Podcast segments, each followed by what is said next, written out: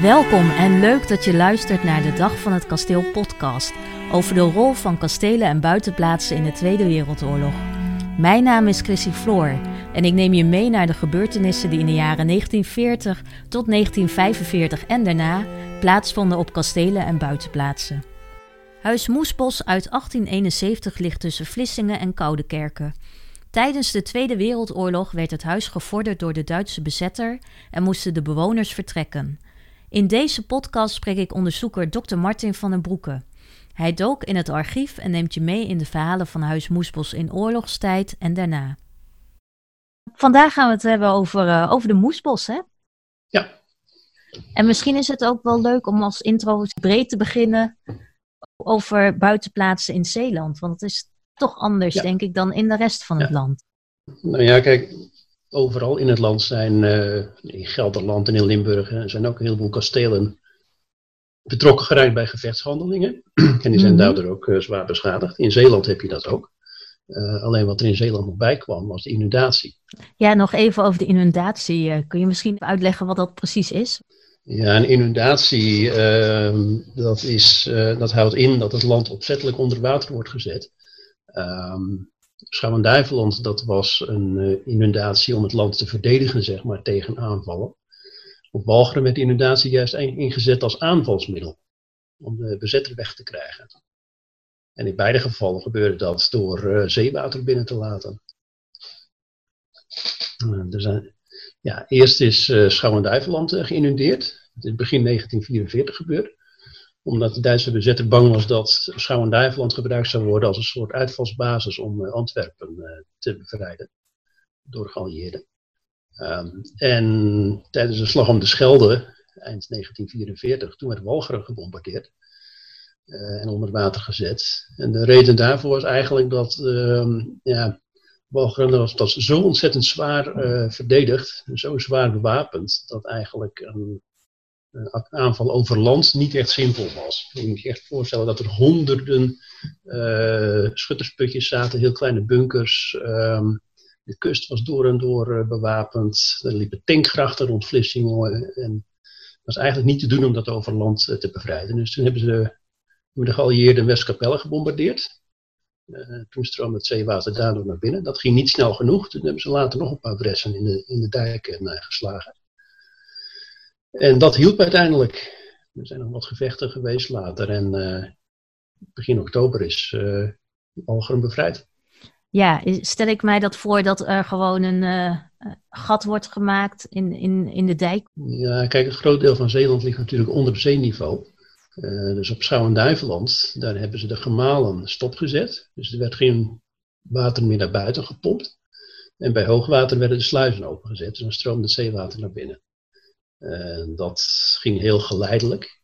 Uh, op Walcheren is het met meer geweld gepaard gegaan. Daar hebben ze de dijken gebombardeerd, een heel groot gat in de zeedijk bij Westkapelle geslagen, waardoor ook het zeewater op een gegeven moment gewoon met eb en vloed naar binnen en naar buiten stroomde. En dat is eigenlijk nog veel meer schade toegebracht dan op Schouwen-Duiveland. Je natuurlijk al die huizen die werden ook meegezogen in de eb en vloed uh, bewegingen. Dus dat heeft ontzettend veel schade veroorzaakt. En nog steeds eigenlijk, uh, zowel op Schouwen-Duiveland als op Walcheren, een uh, heleboel huizen van voor de oorlog, die hebben nog steeds last van het zoute water en van constructieproblemen. En dat speelt nog steeds. Ja, nou zo zie je maar dat, dat zulke acties uit het verleden dan nog zoveel uh, impact hebben op het heden. Ja, ja. Zullen we het hebben over, uh, over Huis ja. Moesbos? Nou, laat ik beginnen bij het, uh, bij het heden. Moesbos, dat is een buitenplaats van ongeveer 6 hectare. Die ligt vlakbij Koude Kerken. Walcheren. 19e eh, eeuws huis eh, en een klein park eromheen. Um, en het is sinds 2015 uh, eh, grotendeels eigendom van een stichting die toen is opgericht, de Stichting Moesbos.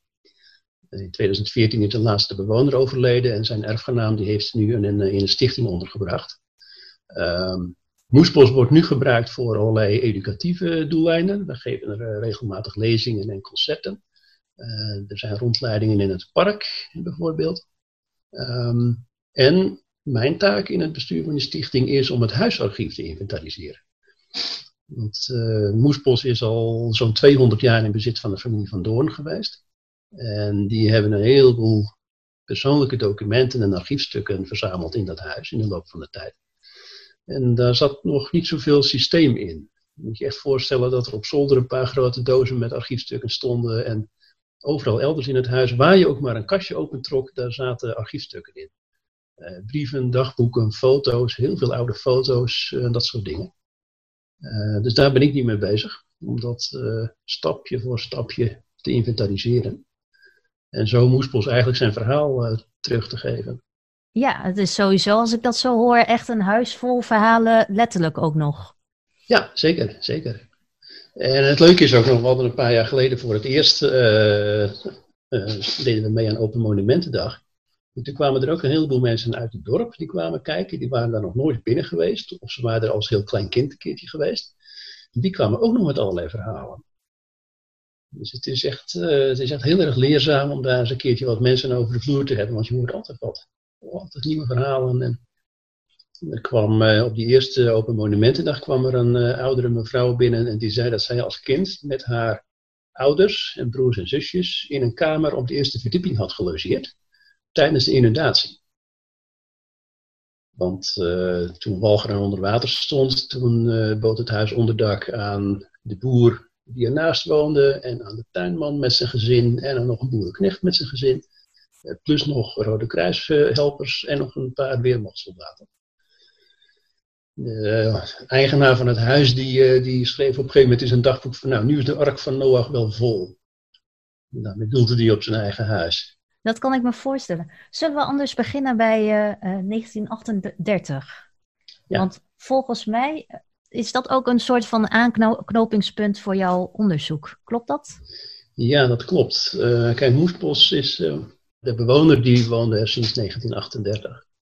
Uh, Moesbos was, um, is dus al sinds 1806 eigendom van de familie van Doorn. Mm -hmm. En um, in 1938 werd het bewoond door Sophie van Doorn, een oudere dame. Uh, zij, was, ja, zij gebruikte het als vakantiehuis, want zij had ook nog een huis in Middelburg. Uh, en haar broers, vier broers had ze, die gebruikten het ook om beurt en ook als vakantiehuis. Op een gegeven moment toen zij overleed in 1938, toen in diezelfde tijd ging haar jongste broer Henri met pensioen. Die was burgemeester van uh, Oost- en West-Soeburg geweest. En Henri die heeft toen de keuze gemaakt om zich permanent op Moesbos te vestigen. Dus ze hebben toen centrale verwarming aangelegd. Uh, ze hebben het huis een beetje up-to-date gemaakt. Uh, de piano van zijn vrouw werd in de middelkamer gezet. En zo namen ze daar hun intrek, kort na hun pensioen. En um, ja, dat, dat ging een tijdje goed tot 1940. En toen, bij de Duitse inval in Zeeland, toen, is er, uh, toen heeft de Weermacht eigenlijk meteen het huis gevorderd voor uh, een stuk of 40 soldaten. Uh, die daar op de zolder hun intrek wilden nemen. En dat is iets wat trouwens bij heel veel buitenplaatsen in Zeeland gebeurd is. Ook op Ter Boede, dat ligt er tegenover. Dat werd gevorderd eerst door de Kriegsmarine en daarna werd het gevorderd uh, om als uh, woning te dienen voor het hoogste militaire gezag van, uh, in Zeeland, Willem Münster. Um, en zo waren er nog meer. Torenvliet bij Middelburg, dat was ook een hele grote buitenplaats van de familie Schorer en Huizinga. die gebruikten dat als vakantiehuis. maar dat huis werd in, in beslag genomen door de, ook door de Weermacht om er 150 militairen in onder te brengen. En zo, ja. zo zijn een heleboel van die buitenplaatsen uh, ingenomen door de bezetter. Ja. En ja, wat gebeurde er toen met die bewoners? Want er kwamen dus Duitse soldaten. Mm -hmm. Ja, op Moesbos uh, weten we uit het uh, dagboek en uit brieven dat eigenlijk die bewoners gepest werden. de Weermacht die wilde telkens weer een andere kamer leeggemaakt hebben om, om zelf te gebruiken. Um, er werden dingen gestolen. De bewoners moesten echt met een bos sleutels in hun handen door het huis lopen. Iedere deur moesten ze op slot houden, want anders werd er gestolen. Um, ja, wat, wat, wat, je kunt je wel een beetje voorstellen, de situatie. Een gepensioneerd echtpaar uh, met veertig uh, jonge mannen op zolder. Ik denk dat het voor die vrouw ook heel bedreigend geweest moest zijn. Zo'n grote, uh, zo'n grote bezettingsmacht in eigen huis te hebben. Um, En ook, ja, gewoon, het, ze schrijft ook over het, uh, ja, geluidsoverlast natuurlijk. Uh, ze liepen voortdurend de trap op en af met die grote laarzen van ze. Uh, er hangt nu, in, ja, ze zijn ook wat onhandig bezig geweest met wapens in huis. Er hangt nu nog steeds een 19e-eeuws portret in de woonkamer dat beschadigd is door een Duitse bajonet. dus dat, dat soort schade liep het huis ook op. Totdat op een gegeven moment de bewoonster het zat was. Uh, zij uh, sprak heel goed Duits. Ze had op de kostschool gezeten in Duitsland. Toen heeft zij de, een, de officier van de Weermacht erbij gehaald. En ze heeft hem eens rondgeleid in het huis van kijk, dit is wat jouw mannen doen. En toen, heeft, toen schijnt hij gezegd te hebben van das ist eine Schande für die Weermacht. En meteen gedroegen ze zich wat beter. Nou, dat is wel een pittige dus tante. Dankzij, ja, ja, ja, dankzij haar kordate optreden is in ieder geval erg schade voorkomen. Maar ja, uiteindelijk konden ze toch niet uh, blijven in het huis. In 1943 zijn ze, moesten ze echt vertrekken. Um, want toen werd natuurlijk de spanning steeds meer opgebouwd en werden er steeds meer militairen ingekwartierd, ook op Walcheren. Um, dus toen moesten ze echt weg. Toen zijn ze met een koffertje eerst naar hun zoon en schoondochter gegaan. Die woonden in Wilhelminadorp. Hij was de burgemeester. Maar ja, uh, schoondochter was net in verwachting, die uh, zou haar eerste kind gaan krijgen. Dus dat, daar liepen opa en oma eigenlijk ook een beetje in de weg. Dus dan zijn ze uiteindelijk via Bergen op Zoom, uh, via kennissen, zijn ze naar Arnhem gegaan. Arnhem en Oosterbeek en omgeving. Dan hebben ze echt van hotel naar hotel gezworven. Ze konden telkens niet zo lang blijven in hotels, want ja, dit, dan werd dit hotel weer gevorderd door de bezetter. Dan moesten ze daar weer weg voor Duitse soldaten. Dat lees je allemaal in, dat, in het oorlogsdagboek. Het is echt een, een zwerftocht geweest van bijna een jaar. Goh, jeetje zeg. Uh, dus ze leefden een jaar uh, uit, uit, hun koffer eigenlijk. Uit hun koffer, ja. Ze kregen dan een rantsoen. Uh, dat, schreef die, dat schreef Henri van Doorn ook dus zo. Het is bijna grappig. Dan zat hij in een hotel in Oosterbeek en dan werd het toiletpapier gerantsoeneerd. Drie velletjes per persoon. En schreven als een zuur bij van men mag hier kennelijk geen diarree hebben. Oh jeetje, ja. Maar goed, zo, het is wel, ja, als je dan natuurlijk gewend bent om in een landhuis te wonen met twee man personeel tot je beschikking. En je moet dan ineens met een koffertje en met taxis en uh, alles uh, rond gaan reizen. Dat moet wel een heel zwaar dopper geweest zijn voor ze. Zeker op hun leeftijd. En sowieso Zeeland inkomen, dat werd ook steeds moeilijker, want het werd een spergebied. Hè? zelfs de zelf, ja, mensen die daar een vakantiehuis hadden of een tweede woning hadden, die mochten eigenlijk Zeeland niet in. Waren allerlei reisbeperkingen vanwege de oorlogssituatie. Dat is ook bijvoorbeeld van uh, Ter Boede tegenover uh, Moesbos. Dat werd bijvoorbeeld uh, bewoond door Jacob Mees, een bankier uit Rotterdam. Maar hij mocht ook niet naar zijn eigen landhuis toe. ik heb in het archief van de familie Mees een hele stapels brieven gevonden van mensen uit Koude Kerken of uit Middelburg die af en toe een kijkje gingen nemen op Ter Boede. En die ligt meneer Mees dan per brief in. Want hij zelf uh, kon er niet bij. Ja. Hij en, schreef wel allerlei pittige brieven aan de bezetter hoor, want er werd ook, ook bij hem werd er van alles nog wat gestolen. Ik heb brieven gevonden over uh, allerlei gestolen meubels die hij dan terugreisde. Dus, uh, maar ja, ze moesten het op afstand eigenlijk leidzaam toezien hoe hun landgoederen vernield werden. En wat, uh, wat gebeurde er nadat de bewoners uh, vertrokken waren? Hoe lang hebben die Duitsers er nog gezeten in, in dat huis? Tot in ieder geval uh, ja, tot aan de bevrijding eigenlijk, oktober, november 1944. ze schrijven ook, de Van Doorn, ze schrijven ook in een oorlogsdagboek, als ze dan terugkwamen in oktober 1943. Toen zijn ze teruggekomen naar Moesbos. Um, ja, toen waren er een paar kamers die waren in, in gebruik genomen als opslagplaats voor allerlei eh, voorraden. En schrijft Van Doorn nog duizenden en duizenden sigaretten. Um, en op zolder zat een eerste kruispost. Die verzorgde medische hulp voor uh, slachtoffers van bombardementen in de buurt.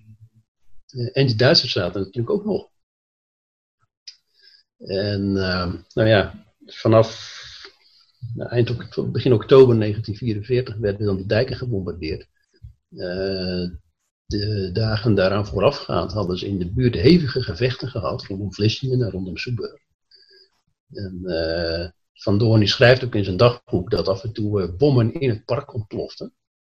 In een rode beuk op het voorplein is een bom ingeslagen. Um, er is een bom achter het huis ontploft. Die veroorzaakt zoveel glasschade dat de scherven tot in hun bed lagen. Schrijft hij. Dus in die omstandigheden zaten ze dus ja, in dat huis. Maar er was eigenlijk geen enkele plek veilig meer voor rondvliegend glas. En, uh, en, en, zijn er ook veel uh, burgerslachtoffers gevallen in deze ja, omgeving? Heel ja, heel veel. Uh, bombardement op Biggenkerken, dat is van 100, 130, ik weet niet meer precies hoeveel doden. West-Capelle, dat werd gebombardeerd om de dijk open te breken. En dat heeft ook 152 burgerdoden veroorzaakt. Uh, en hier en daar vielen ook nog wat slachtoffers door mijnen en door vuurgevechten en zo. Er zijn uh, behoorlijk wat uh, burgerdoden gevallen, zeker in die laatste fase.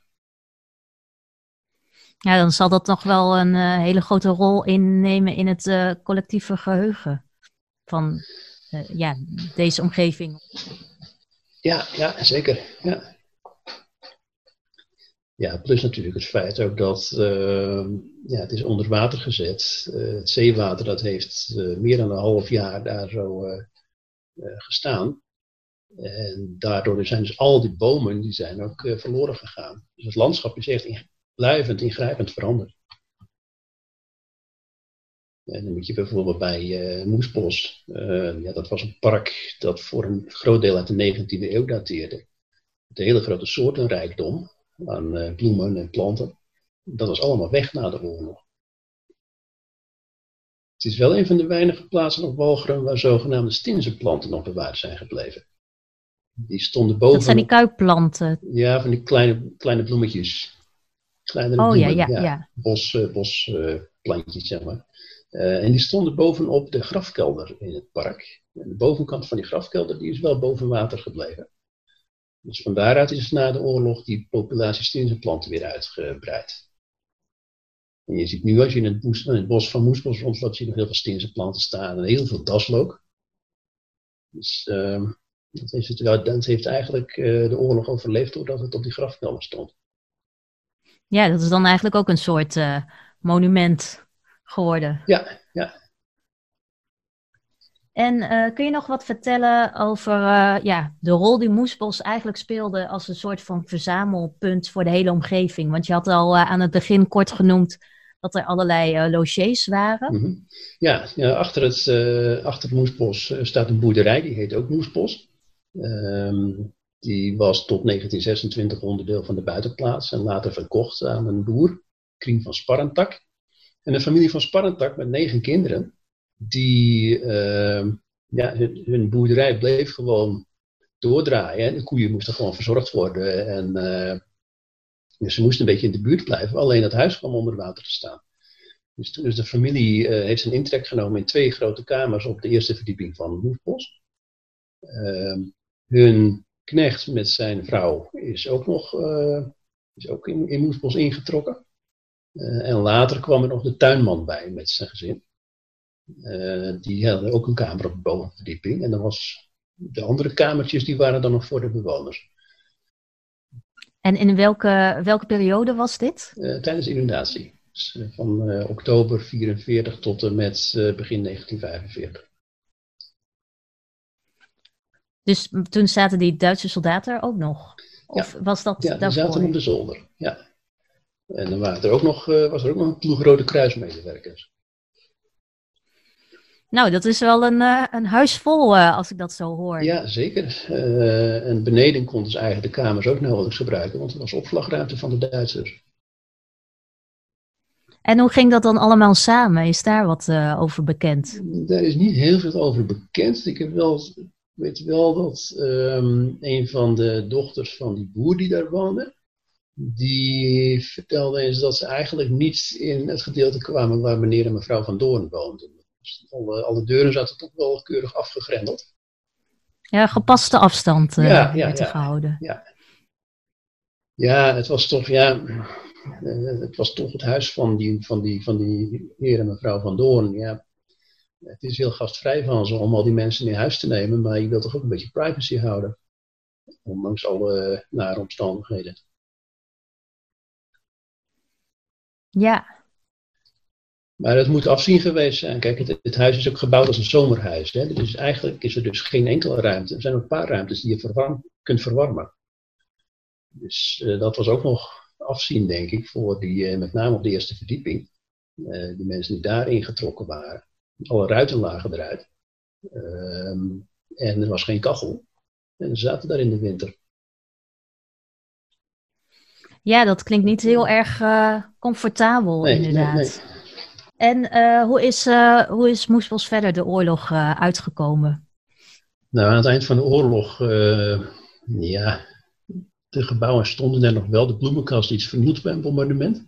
Ehm, maar het voornaamste, het ergste was natuurlijk nog dat het hele park gestorven was. Al die bomen moesten weg en heeft dan jarenlang op een kale vlakte gestaan. Ehm, ze hebben zelfs op het terrein nog in de eerste jaren hebben ze aardappels geteeld. Ehm, en pas in 1948 werden er voor het eerst weer boompjes geplant. Uh, toen is de Heidemei begonnen met uh, de aanplant van een uh, soort windsingel om het terrein heen. de oude padenstructuur die keerde niet meer terug, maar ze hebben het grootste deel van het park eigenlijk, ja, dat was een soort akker. Er zijn ook nog foto's van dat ze die akker aan het ploegen zijn. En daaromheen werd dan een windsingel aangelegd. Dat is een beetje de aanpak die ze bij andere buitenplaatsen ook deden. Nee, eerst zorgen dat je een windsingel hebt met snel groeiende bomen. Uh, die houden het zoute water en de zoute wind een beetje tegen. Uh, en dan kun je andere boomsoorten gaan aanplanten om er weer een park van te maken. Alleen bij Moesbos is dat, heeft dat geduurd tot in de jaren 70 voor het centrale gedeelte van het park weer werd aangeplant. Uh, door Ronbout van Doorn. Die is er ook tot 2014 blijven wonen. Um, hij was wel een bomenkenner. Dus het is wel toch best wel een gevarieerd bos geworden. Met heel veel uh, inheemse soorten.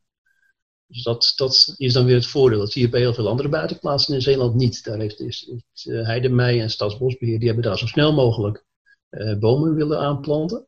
En het assortiment was natuurlijk heel beperkt na de oorlog. En ze hadden eigenlijk ook geen tijd om uh, tuinhistorisch onderzoek te doen en het allemaal netjes in oude staat herstellen. Er moest gewoon snel weer iets groens komen. En dat is, uh, bij Moerspos is dat iets, uh, ietsje verzacht, zeg maar, doordat het in twee fasen is aangeplant. Um, maar ja, de, de, de oude structuur die keerde niet terug. Dus wat er nu ligt, dat is wel een mooi bos met slingerpaden. Maar het is niet zoals het was. Het is een hele nieuwe aanleg eigenlijk geworden. Um, en wat het huis zelf? Dat is de oorlog redelijk ongeschonden, eh, behalve dan al die kapotte ruiten. Uh, maar het heeft niet echt langdurig in het water gestaan. Het ligt een beetje hoger. Dus eigenlijk alleen bij, uh, bij hoog water kwam het zeewater echt het huis in. Maar het stond eigenlijk, ja, tot, tot aan de stoep stond het zeewater ongeveer. En in het bos had je, ja, dat was dan gewoon verzadigd met water. En van een modderig brei was dat dus dat is gelukkig, uh, gelukkig is dat, uh, heeft het niet heel erg lang in het water gestaan. Maar er is nog wel een uh, bekende anekdote toch van die piano. De bewoonster, die, die dame die er in 1938 kwam wonen, dat was Willy van Lokeren campagne. En zij was concertpianist in het Zeeuws Orkest. En um, ze heeft een Steinway vleugelpiano, die staat er nog steeds trouwens. En het verhaal gaat dat uh, als het water binnenstroomde op Moesbos, dat ze dan die piano op kratten liet zetten. En dat ze zo piano bleef spelen terwijl het zeewater om erheen uh, stroomde. Ik ja, weet niet ja. of het waar is. Het staat niet in het dagboek vermeld, maar ik vind het wel passen bij het beeld dat ik van haar heb. Van een ja, redelijk onverstoorbare, redelijk onverschrokken dame. Ja, dat, dan ben je heel onverstoorbaar inderdaad, als je toch door blijft spelen op die manier. Ja, ja. Nou, leuk. Um, heb je een beetje het idee dat je alle verhalen of, of, of, de hoofdlijnen van de verhalen hebt verteld? Of hebben we nog een uh, belangrijk stuk geschiedenis gemist wellicht? Nou ja, er is nog heel veel te ontdekken. Uh, ik heb nu dat uh, oorlogsdagboek gevonden. Maar er zijn er nog heel veel brieven van de bewoners aan hun kinderen. En daar zit natuurlijk ook nog een heleboel informatie in over hoe het dagelijkse leven op Moesbos was. Dus ik denk dat ik de komende jaren nog wel uh, genoeg uh, te ontdekken heb. Uh, het beeld wordt alsmaar kleurrijker waarschijnlijk. Ja, nou dan, dan komen we over een paar jaar gewoon nog een keertje terug om de, zeker, de laatste zeker. ontwikkeling vast te leggen. Ehm, nog een vraagje over je onderzoek. Uh, wat, wat was eigenlijk, uh, nou ja, je bent begonnen met het archief ordenen. Wat, wat waren nou hoogtepunten van, van onderzoek? Um, ja, nou, ik, ik ben nu een jaar of vier, vijf bezig met het onderzoek doen. En ieder jaar in december geef ik een lezing op Moesbos over iets uit het huisarchief, een vondst. Um, nou is het oorlogsdagboek uh, is nu heel actueel. Dat is natuurlijk ook een heel belangrijke vondst, omdat je van de bewoners zelf hoort uh, hoe het was. Dus dat is een, vind ik wel een van de hoogtepunten. Zeker omdat je het kan aanvullen met allerlei andere documentatiematerialen. Met brieven, met, ze hebben zelfs de bonnenboekjes uit de Tweede Wereldoorlog nog bewaard. Uh, allerlei uh, schadeafwikkelingsformulieren om de oorlogsschade te, vergoed te krijgen. Dus dat is, dat is echt een heel rijk deel van het archief. Maar er zijn ook nog heel veel andere dingen. En ik heb bijvoorbeeld ook nog een briefwisseling gevonden tussen twee zusjes uit de jaren 1870. De ene zat op kostschool in Ede en de andere woonde in Middelburg. En ze waren allebei zo rond de twintig toen ze die brieven schreven. Die geven ook een heel leuk geanimeerd beeld van het uh, dagelijkse leven ook. Uh, op een kostschool, maar ook in Middelburg. En dan lees je dus over alle saaie etentjes waar ze naartoe moesten en alle saaie feestjes. Uh, dat is een hartstikke grappig. Een hele leuke briefwisseling. er zijn ook een heleboel foto's opgedoken van het, van het park ook. Uh, rond 1890, 1900 was een van de bewoners een fanatieke amateurfotograaf. Dus voor die tijd best van vroeg. Dus heel veel foto's uit die periode bewaard gebleven. Enzovoort, enzovoort eigenlijk. En het leuke is dat het nog allemaal op. ja, en het leuke is ook dat het allemaal bij elkaar is gebleven op de plek waar het, waar het ook over gaat. Er zit eigenlijk een ensemble van een huis met interieur dat nog grotendeels ja, dat door de generaties heen is samengesteld. Uh, niet in één keer, maar over de periode van uh, meer dan anderhalve eeuw. Um, en dat archief, dat ondersteunt het verhaal ook nog eens een keer. Dus dat vind ik een heel mooi ensemble. Ja, nou, hartelijk dank dat je ons uh, eigenlijk een inkijkje hebt gegeven in, in, in de geschiedenis van, van Moesbos. Ja, graag gedaan. Bedankt voor het luisteren naar de Dag van het Kasteel podcast. Aansluitend op 75 jaar bevrijding is het thema van Dag van het Kasteel Bezet en Bevrijd, kastelen en buitenplaatsen 1940 tot 1945. Benieuwd naar nog meer verhalen? Kijk dan op www.dagvanhetkasteel.nl. Hier vind je blogs, video's en nog veel meer. Of volg ons op social media en blijf op de hoogte van het laatste nieuws. Dag van het Kasteel is een initiatief van de Nederlands Kastelenstichting. De intro- en outro-muziek van deze podcast is gecomponeerd door Ellen Steffers Dekker en uitgevoerd door duo Two of a Kind. Tot snel!